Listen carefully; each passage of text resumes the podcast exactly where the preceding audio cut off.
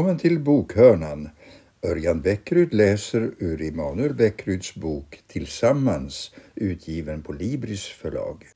Kapitel 8 Nattvarden Den äldre församlingsledaren var förfärad.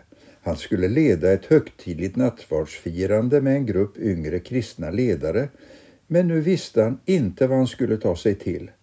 Skälet till förvirringen var att ledargruppen före nattvarden hade haft en riktigt rolig stund tillsammans.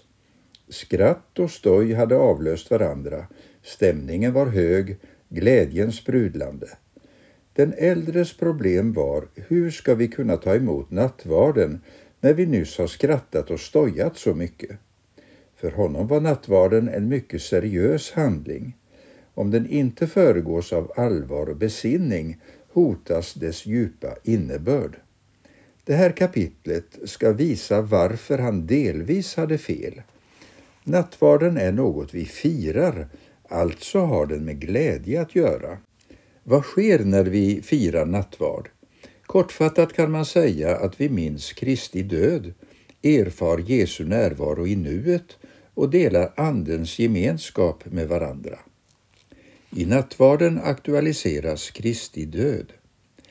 Tänk dig att du är en av de tolv. Ni befinner er tillsammans med Jesus den sista natten före dramat på Golgata. Ni äter påskmåltiden tillsammans. Så kallar Jesus på er uppmärksamhet. Han tar ett bröd, lyfter upp det och tackar Gud. Så säger han, lyssna nu. Nu har han fått din uppmärksamhet. Detta är min kropp. Tystnaden är stor. Nu kommer det en sån där klurig liknelse igen, tänkte du. Okej, brödet är hans kropp. Vad kommer härnäst? Då bryter Jesus sönder brödet i två delar. Du kippar efter andan. Vad menar han? Han har sönder brödet. Varför? Ska hans kropp slitas sönder? Detta är min kropp som offras för er. Gör detta till minne av mig, säger Jesus. Så tar han vinbägaren, lyfter upp den högt och säger Denna bägare är det nya förbundet genom mitt blod. Var gång ni dricker av den, gör det till minne av mig. I nattvarden aktualiserar vi i ord och handling Jesu död. Gör detta till minne av mig, sa Jesus. I nattvarden minns vi att hans kropp slet sönder. Vi kommer ihåg att hans blod utgöds. Vi minns alltså det mest heliga och centrala i vår tro, Jesu död för vår skull. Det är inte så konstigt att Jesus uppmanar oss att aktualisera detta. Människan är obotligt glömsk. Vi har en otrolig förmåga att glömma det viktiga som varit. Den som minns får hjälp att se framåt. Om jag kör bil från Stockholm och passerar Umeå kan man säga att jag är på väg norrut i riktning mot polcirkeln. Sannolikheten att jag skulle vara på väg mot Paris är ganska liten. Då hade jag inte befunnit mig utanför Umeå utan någonstans i Danmark. När man vet varifrån man kommer kan man räkna ut vart man är på väg. På samma sätt är det med den kristna synen på historien. När vi aktualiserar Jesu död ser vi tillbaka på en avgörande frälsningshändelse som visar vart vi är på väg. När vi minns Jesu död får vi hjälp att finna riktning för våra liv nu. Världshistorien är som en resa. Vi kommer någonstans ifrån och vi är på väg mot ett resmål. Resan började i skapelsen och komplicerades av syndafallet. Det hela håller på att rätta till sig tack vare korset. När vi ser tillbaka på Jesu död på korset ser vi alltså tillbaka på världshistoriens mest avgörande ögonblick. En händelse som ger inriktning för och mening åt våra liv här och nu. Var och en som ser bakåt på det som varit kan ta ut kursen för sitt liv nu. Målet med livet enligt kristen tro är att vi ska leva i samma riktning som Guds sanna berättelse om världen, inte på tvärs med den. Därför är det inte en from nostalgitripp att i nattvarden minnas Kristi död. Det är tvärtom en framtidshandling. När vi i tacksamhet tar emot brödet och vinet är det en förkunnelse av Kristi seger och denna seger kommer en dag att ge oss nya himlar och en ny jord. Att minnas Kristi död är alltså inte något sorgligt utan något glatt. Vi aktualiserar en stor seger. Efter Golgata kommer den tomma graven, beviset på att Kristus är den han sa sig vara. I nattvarden erfar vi Kristi närvaro. Genom historien har man stridit mycket om nattvardens djupa mening. De som är kritiska mot att man ser på den måltiden som enbart en symbol har pekat på att Gud själv möter oss i nattvarden. Även om jag som baptist tar avstånd från läran om nattvarden som ett reellt offer ser jag att många baptister riskerar att begränsa nattvardens innebörd om de inte tror att Kristus är närvarande i denna måltid. Nattvarden handlar också om konkret troserfarenhet. När vi firar nattvard samlas vi i Jesu namn och då har Jesus lovat att vara mitt ibland oss genom sin ande.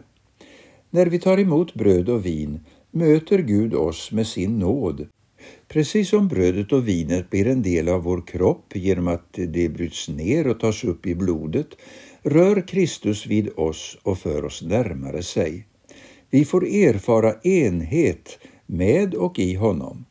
I nattvarden möter vi Herren konkret i bröd och vin oavsett om vi känner något speciellt eller inte.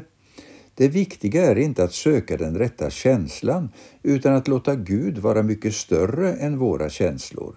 Nattvarden förkunnar detta. Tack vare Jesu död på korset får vi vara Guds barn och han möter oss just nu. I nattvarden uttrycker vi vår gemenskap. Bland de första kristna firades nattvarden i anslutning till en vanlig måltid.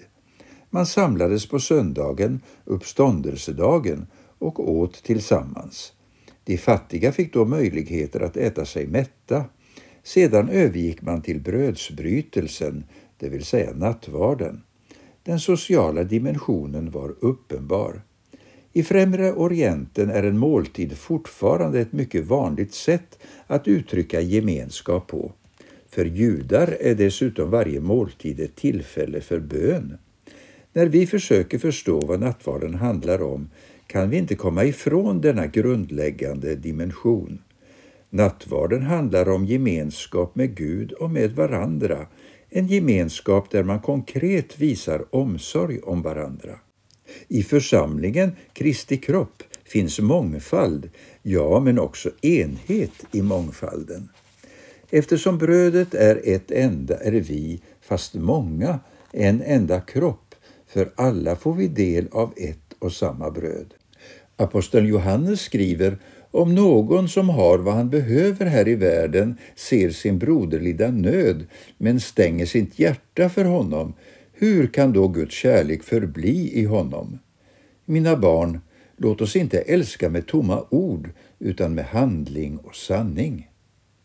Att vara församling är att förverkliga en praktisk gemenskap som tar sig uttryck i att vi hjälper och stöttar varandra på livets alla områden. Därför är nattvarden en handling som förpliktigar. När jag tar emot bröd och vin säger jag att jag är en del av kroppen, en del av brödet. Därmed säger jag också att min broders och systers liv angår mig och att mitt liv angår dem. Genom att ta nattvarden tar jag på mig ett ansvar att inte betrakta något som mitt eget utan att använda allt jag äger och har för det gemensammas bästa. Därför är det en skymf mot Kristus att fira nattvard och i nästa ögonblick sätta sina egna behov och önskningar, sin egen bekvämlighet i centrum. Lika lite som dopet är en privat angelägenhet, lika lite är nattvarden det.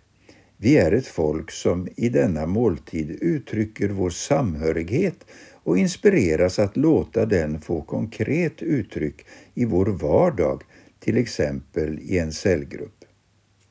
Var och en måste pröva sig själv. För ett antal år sedan samtalade jag med en kristen från ett afrikanskt land. Han var på tillfälligt besök i Linköping.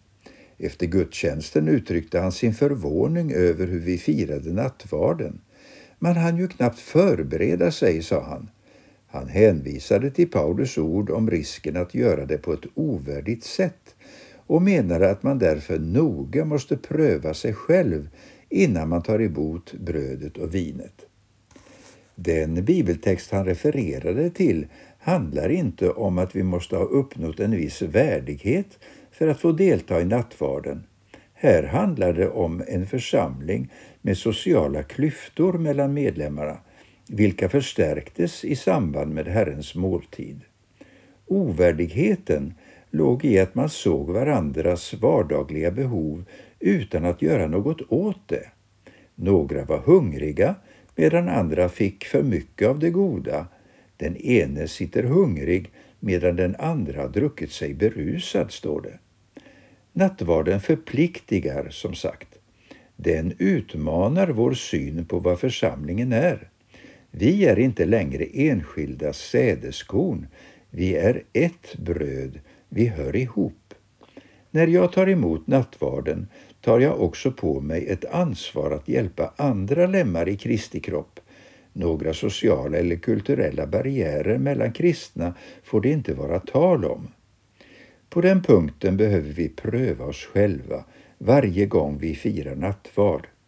Gemenskapen får inte förbli en fin teori utan måste fungera i vardagen. Det är smärtsamt att se att individualismen har förgiftat oss till den grad att vi inte ens kan föreställa oss hur en sådan gemenskap skulle kunna se ut i verkligheten. Individualismen och privatiseringen av tron har till och med förgiftat vår fantasi. Den har gjort oss enkelspåriga i sättet att utforma församlingslivet. Vi har svårt att ens tänka oss någonting annat. Vi kan inte se hur det skulle gå till. Liksom lovprisning och tacksägelse är något som vi är kallade att leva i varje dag, inte bara på söndag förmiddag, är vi kallade att dagligen leva i nattvardens verklighet. Och det är en gemenskapsverklighet. Teologen John H. Jodder skräder inte orden. Om nattvardens konsekvenser skriver han Innebörden går djupare än det som vi kallar liturgi till det som vi brukar kalla ekonomi. Han påstår att nattvarden handlar om ekonomisk etik i vardagslivet. Låt oss inte vifta bort den utmaningen utan ransaka oss själva. Lever vi upp till nattvardens sociala och etiska innebörd? Sammanfattning. När vi firar nattvard aktualiserar vi i ord och handling Kristi död. Det är inte en sorglig minnesstund utan en glädjefylld fest. Korset är en seger. I och genom nattvarden påminner vi om denna vändpunkt i historien och kan möta framtiden med tillförsikt. När vi i denna måltid förkunnar Jesu död får vi hjälp att finna riktning för våra liv i nuet. När vi tar emot brödet och vinet verkar Gud i och mitt ibland oss Precis som brödet och vinet tas upp i kroppen så tar vi emot Kristi nåd. Den uppståndne Kristus berör oss med sin befriande nåd. Nattvarden har också en social dimension eftersom den manifesterar att vi är ett i Kristus. Att ta emot bröd och vin är alltså en förpliktigande handling. Jag är ett med mina syskon i tron och kan därför inte längre leva för mig själv. Mitt liv är intimt sammanflätat med deras. Därmed prövas vårt sätt att leva. Vi utmanas till ett liv i sann och nära gemenskap där ingen av oss lever för sin egen skull.